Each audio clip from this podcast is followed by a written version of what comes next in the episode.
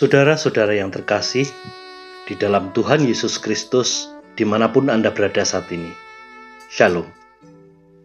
Jumpa kembali bersama dengan kami dalam program Gembala Menyapa dari Gereja Kristen Jawa Kota Gede, Yogyakarta. Adapun bacaan kita pada hari ini diambilkan dari kitab Mazmur pasal 23 ayat 1 sampai dengan 6 dengan judul Dia Gembalaku.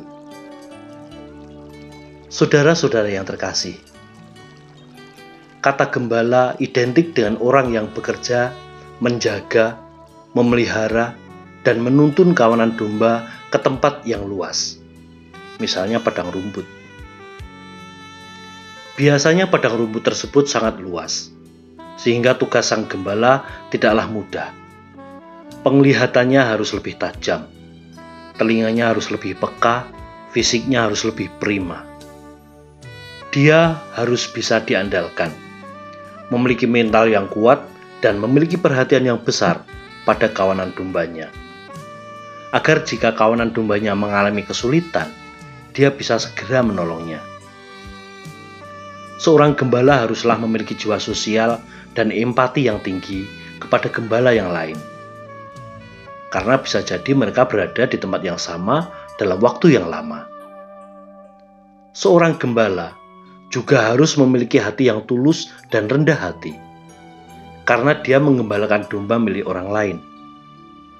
Jika tidak punya hati seperti itu, maka dia hanya menjadi gembala upahan yang tidak peduli dengan keadaan domba gembalaannya, tidak peduli dengan keinginan sang pemilik. Saudara-saudara yang terkasih, bacaan hari ini mengisahkan gambaran Daud yang pernah menjadi seorang gembala. Dapat Anda baca pada kitab 1 Samuel pasal 16 ayat yang ke-11 tentang sosok gembala yang baik. Bagi Daud, Tuhan adalah gembala yang baik. Dia mengatakan bahwa Tuhan mencukupkan kebutuhannya, bukan hanya secara jasmani, tetapi juga rohani. Ini menunjukkan bahwa Tuhan peduli dan bertanggung jawab atas kehidupan Daud. Tuhan juga digambarkan sebagai penolong, penuntun, dan penjaga dalam situasi yang paling kelam sekalipun dalam hidup Daud. Daud meyakini bahwa selama ada Tuhan Sang Gembala, maka dia akan tetap aman. Sekalipun hidupnya sedang tidak baik-baik saja, Tuhan tidak akan membiarkan dia merasa malu di depan orang lain, terlebih di hadapan para musuhnya. Daud ingin menunjukkan bahwa Tuhan tidak pernah membiarkannya berjalan sendiri.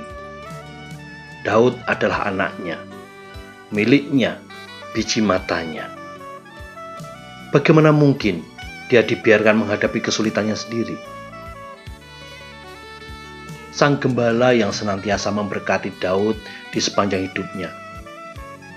Mengajarkan pada kita bahwa dialah sang sumber berkat yang sejati.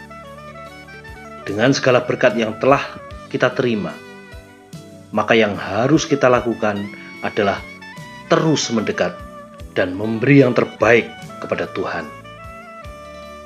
Mari senantiasa bersyukur kepada Tuhan, sebab Dialah gembala kita. Dialah sang pemelihara hidup kita. Tuhan Yesus memberkati. Amin.